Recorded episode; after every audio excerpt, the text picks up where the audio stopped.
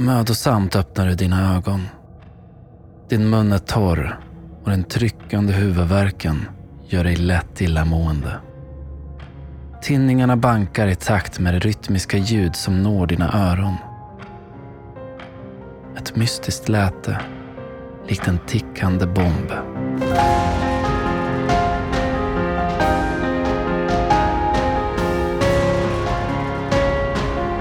Om det var du, en podcast av Erik Myrlund. Manus är baserad på faktiska och tidsenliga detaljer samt vittnesberättelser, men fiktiv i den bemärkelse att du själv blir huvudperson i en av historiens mest omskakande händelser. Syftet med detta sätt att berätta på är att komma nära det ofattbara och försöka sätta sig in i det mörker som våra medmänniskor har fått uppleva genom historien. Men framför allt att aldrig glömma deras öde.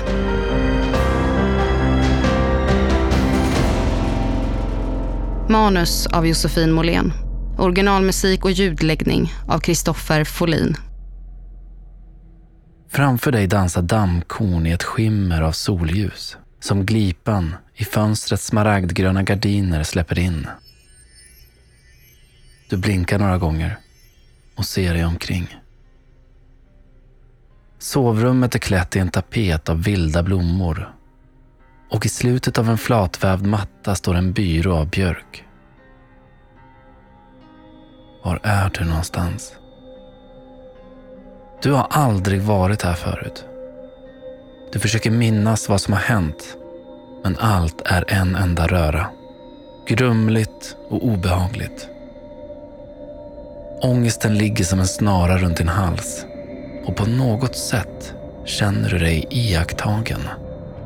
Samtidigt som känslan infunnit sig uppfattar du något i ögonvrån. En mörk siluett med en lika kraftig som märklig kroppsform. Du tittar hastigt bort mot rummets ena hörn och möter något som du inte är beredd på.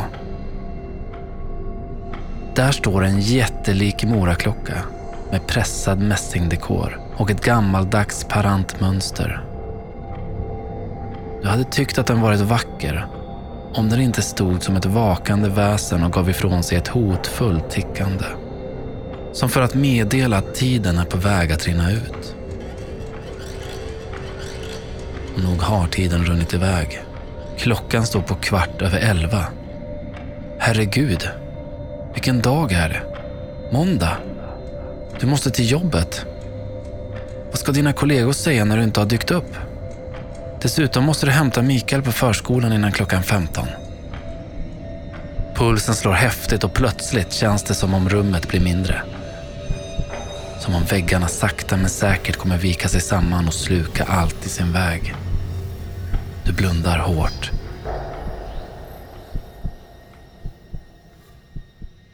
När du öppnar ögonen igen är känslan borta. Men törsten är lika stark som förut. På nattduksbordet strax bredvid dig ser du ett halvtomt vattenglas.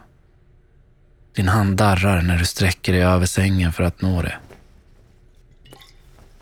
Efter två rejäla klunkar av den förvånansvärt friska vätskan är glaset tomt. Nu känns det något bättre. Nu behöver du bara ta dig upp och ge dig av.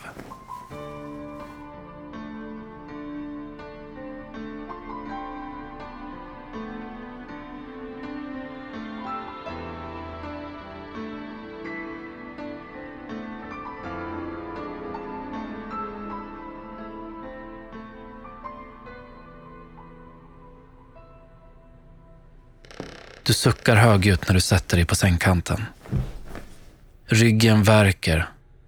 Det tar en stund innan balansen tillåter dig att resa dig upp.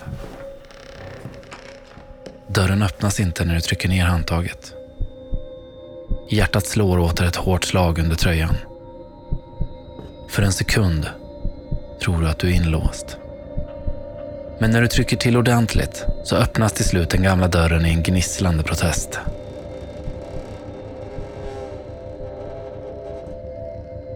Du kikar ut försiktigt. Ett stort allrum med en trätrappa till en nedervåning finns i rummets ände. Det är tomt på människor här. Endast en vissen bukett står på en av fönsterkarmarna och blickar ut mot dagsljuset. De viktlösa små blombladen faller ner på din fot när du rör vid dem. Utanför fönstret tornar en lövskog upp sig och bäddar in kringlande små stigar.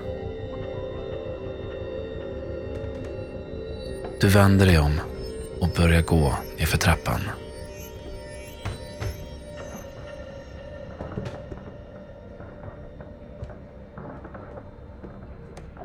Golvet knarrar med dina steg.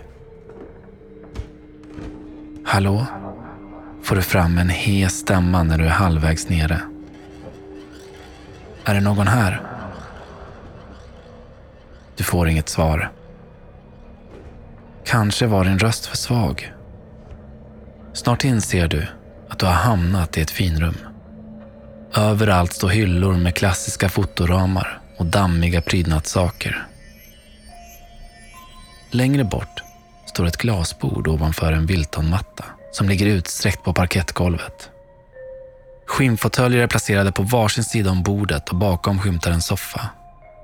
Virkade plädar och silkeskuddar vilar på vardera armstöd. Någon har ställt en beige vas på soffans armstöd. Men den ser konstig ut. Mycket konstig. Du blinkar. Du blinkar igen. Och igen. Sedan drar du efter andan. För nu ser du vad det är. Och det är ingen vas. Det är ett huvud. Ett barnhuvud. Ett litet huvud med blonda lockar och stora uppspärrade ögon som stirrar rakt på dig. Du skriker till och backar förskräckt. Rummet blir med ens mindre igen. Synen suddigare. Vart är du någonstans? Vad är det som händer? Plötsligt knakar det till och du känner någons ögon titta på dig. Du vänder dig snabbt om och drar efter andan. Det är en man i 50-årsåldern. Han iakttar dig noggrant med blicken. Kanske har han ställt en fråga. För det ser ut som att han förväntar sig ett svar. Du frågar vart du är någonstans. Du förklarar att du måste hämta din son. Han är på skolan. Det händer något i mannens blick. En glimt av smärta i ögonvrån. Han frågar med en lugn stämma. Vet du inte det? Något i mannens ton får dig att känna dig dum. Som om du borde veta vart du befinner dig. Men du har aldrig varit här och mannen skrämmer dig. Din vilsna uppsyn får mannen att ta två steg framåt mot dig. Du stelnar till. Mannen stannar upp, men söker intensivt efter din blick. Han ber dig att titta honom i ögonen. Du lägger märke till hur barnet, vars huvud tack och lov är intakt med en kropp, har blivit skrämd av din reaktion som din synvilla frambringat. Det lilla knytet trycker sig längre in bakom soffan.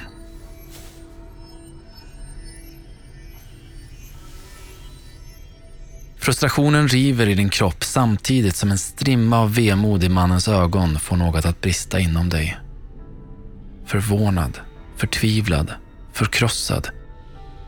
Du vet inte. Mannen har inte släppt dig med blicken en enda gång. Utan tar ett djupt andetag och säger är Mikael. Din son. Det här är Emily. Ditt barnbarn. Kommer du ihåg oss? Det här avsnittet är inte uppbyggt utifrån fakta utan är en fiktiv berättelse av mig som skribent. Det här är min egen tolkning av vår tids vanligaste demenssjukdom, Alzheimers. Om det var du berättar om människors olika öden och just Alzheimers kommer många av oss att på något sätt komma i kontakt med förr eller senare. Det här avsnittet är inte riktat till drabbade, anhöriga eller andra människor med erfarenhet av sjukdomen. Syftet med avsnittet är att ge perspektiv och belysa att Alzheimers är mer än bara förvirring. I avsnittet befinner du dig i en senare fas i sjukdomsförloppet.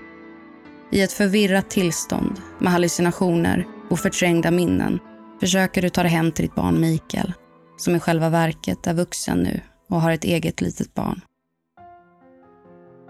Man brukar dela in Alzheimers sjukdom i tre olika faser. Mild, medelsvår och svår demens.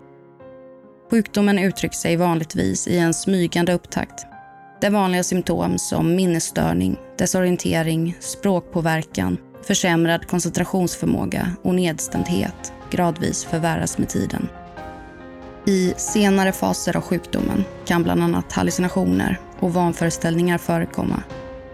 I slutfasen tynar kroppens funktioner bort allt mer.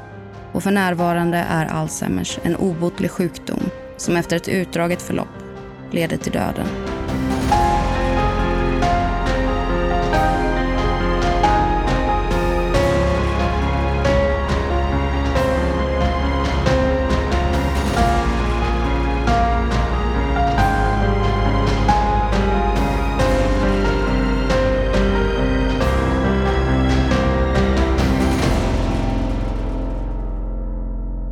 Blir väldigt tacksamma om du vill stötta vårt arbete med 2 dollar per avsnitt på patreon.com snedstreck om det var du. Eller om ditt företag vill köpa annonsering så kontakta Nent. Följ gärna om det var du på Instagram för att få senaste information om kommande avsnitt. Där kan du även tipsa oss om vilken händelse du vill kastas in i nästa gång. Produceras av I Like Radio. I like radio.